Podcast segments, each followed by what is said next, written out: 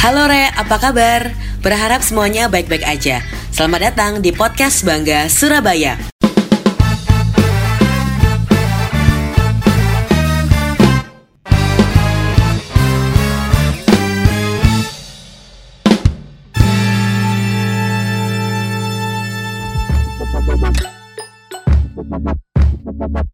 Selama beberapa menit ke depan kita bakal bahas beragam informasi menarik yang terangkum dalam Surabaya hari ini. So, keep stay tune.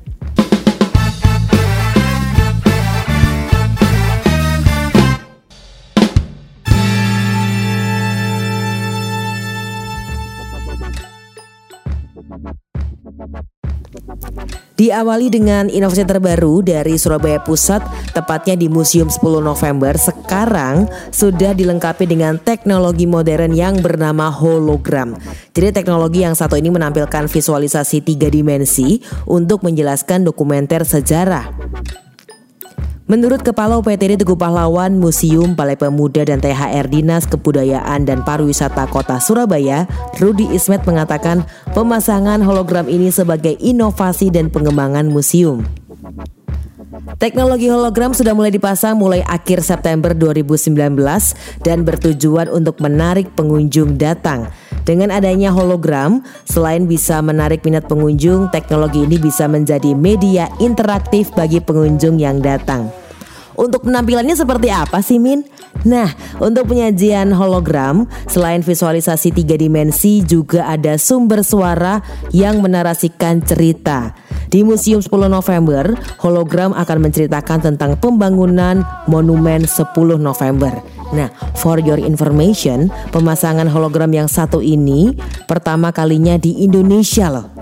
Nah, ke depan akan ada konten di hologram yang bercerita tentang perjuangan. Hayo, kapan nih terakhir kali pergi ke museum? Berikutnya, masih berkaitan dengan museum, tepatnya di bulan November 2019, pemerintah kota Surabaya akan meresmikan Museum Pendidikan. Museum yang berada di Jalan Genteng ini akan diisi kurang lebih sekitar 800 barang bersejarah lintas masa, mulai dari masa pendidikan prasejarah sampai pendidikan masa kini. Kepala Dinas Kebudayaan dan Pariwisata Kota Surabaya, Ibu Antik Sugiyarti memastikan X dari Taman Siswa ini dipersiapkan untuk menjadi museum pendidikan dan masih akan terus dikembangkan teman-teman. Saat ini disebut para Kota Surabaya terus menyiapkan segala keperluan sebelum museum itu resmi dibuka. Salah satu yang dipersiapkan adalah penyusunan narasi untuk barang bersejarah sesuai dengan historinya masing-masing. Nah, yang menarik, barang-barang ini nantinya akan dipasang berdasarkan klasifikasi di setiap periode perkembangan pendidikan, mulai dari koleksi pra-akskara, di mana masyarakatnya belum mengenal yang namanya tulisan, hingga bagaimana orang tua mengajarkan pendidikan ke anak-anaknya.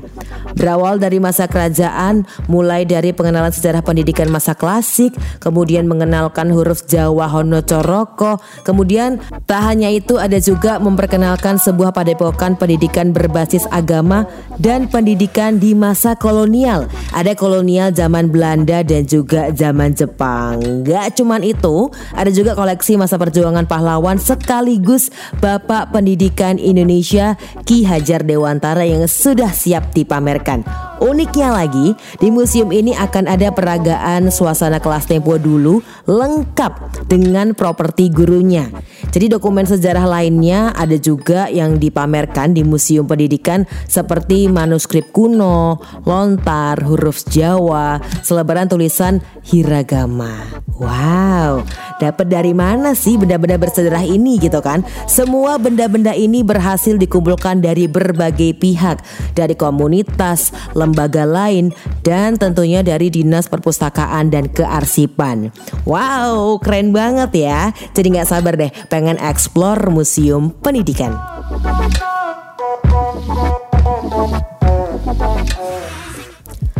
Next, Kita akan beralih ke wisata rekreasi terbaru di kota Surabaya yaitu Taman Mozaik. Taman yang berlokasi di Jalan Wiyung Praja Surabaya ini sudah menyelesaikan pembangunan tahap pertama.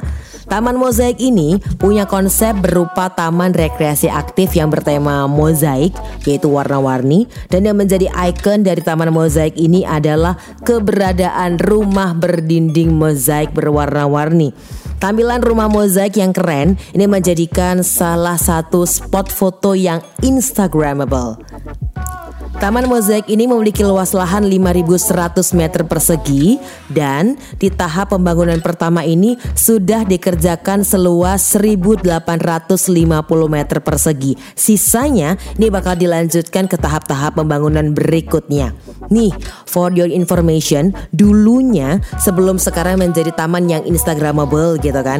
Dulunya lokasi ini merupakan rawa-rawa dan dihuni oleh berbagai satwa reptil liar. Sekarang sudah berubah menjadi taman yang konsepnya kece dan oke punya. Untuk saat ini sudah tersedia berbagai fasilitas berupa pedestrian, playground, tempat parkir, dan rumah mozaik sebagai magnet untuk menarik masyarakat. Tahapan berikutnya ini bakal menyelesaikan seperti toilet, pos jaga, musola, dan taman baca masyarakat atau TBM.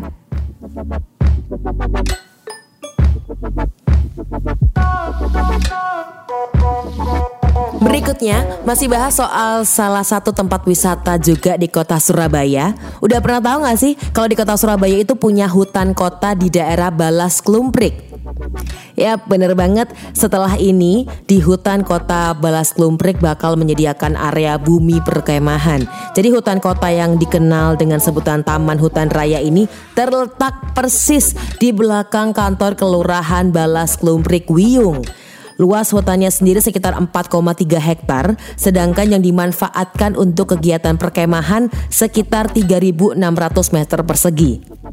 Bahkan hutan kota ini sudah beberapa kali digunakan untuk kalangan masyarakat, tepatnya untuk kegiatan perkemahan. Memang hutan kota representatif untuk aktivitas perkemahan gitu ya. Selain itu dipenuhi juga tanaman yang cukup tinggi dan juga rindang dan tersedia juga lapangan yang begitu luas untuk melakukan aktivitas perkemahan. Rencana ke depan pemerintah kota Surabaya akan membangun fasilitas outbound di mana lahan yang akan dipersiapkan untuk fasilitas outbound seluas 1 hektar. Kalau kita boleh flashback sebentar, jadi hutan kota Balas Klumprik ini dibangun di tahun 2012 di mana di ruang terbuka hijau ini terdapat 15.000 tanaman yang terbagi dalam dua kategori, yaitu tanaman produktif dan tanaman lindung. Nah, yang masuk dalam tanaman produktif itu di antaranya ada mangga, sawo, kecil, blimbing, juwet gitu kan. Sedangkan yang tanaman lindung meliputi ada merbau, ada terembesi, ada sengon, ada juga asem. Nah, sedangkan tanaman lindung ini digunakan untuk kegiatan perkemahan. Oh ya, di hutan ini juga ada taman edukasi di mana masyarakat bisa belajar mulai dari proses pembibitan sampai pengembangbiakannya seperti apa. Selama ini yang menggunakan kemudian yang memanfaatkannya adalah warga terutama kalangan pelajar. Dan di Taman Hutan Kota Balas Klumprik ini juga punya ikon yang terbuat dari bambu. Ini semacam pregolan gitu ya. Bentuknya unik dan biasanya dijadikan spot untuk bersuah foto. Kalau mau ke sana caranya gimana sih Min? Tinggal datang aja ke hutan kota Balas Klumprik, tepatnya di belakang kantor kelurahan Balas Klumprik Wiyung yang jam operasionalnya mulai jam 8 pagi hingga jam 4 sore.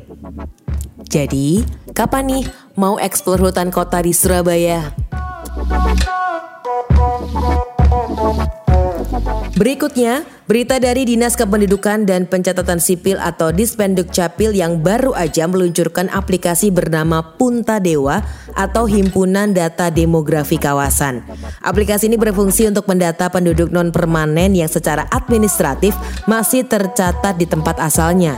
Berdasarkan data di Capil Kota Surabaya, penduduk asli Surabaya atau penduduk permanen Surabaya ini mencapai 3,2 juta jiwa.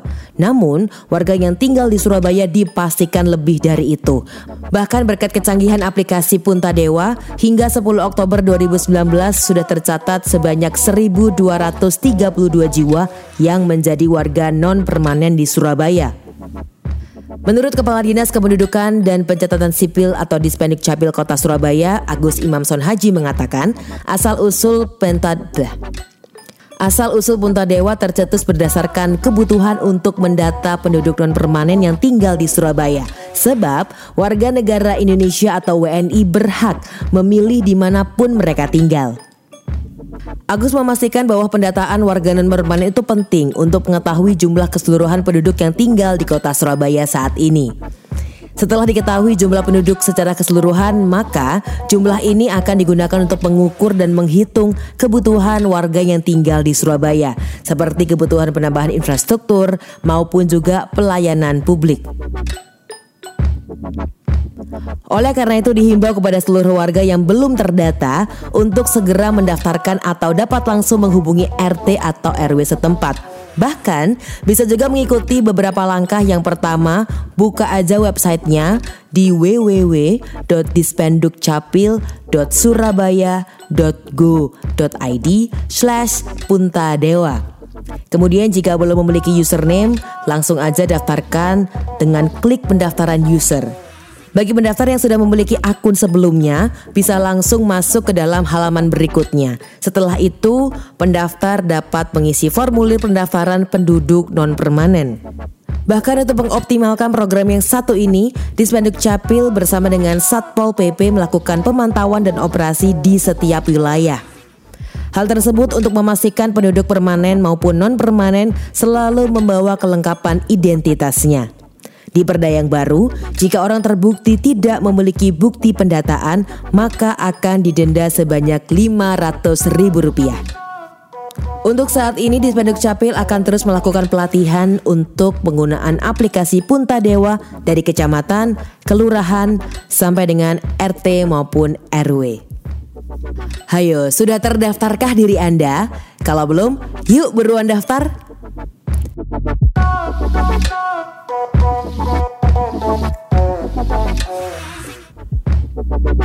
Itu tadi serangkaian kabar Surabaya hari ini dan berita tadi merupakan berita terakhir yang mengakhiri perjumpaan kita kali ini. Pastikan kamu ikutin terus berita seputar kota Surabaya ya, Rek. Mimin pamit undur diri, sampai jumpa di podcast Bangga Surabaya berikutnya.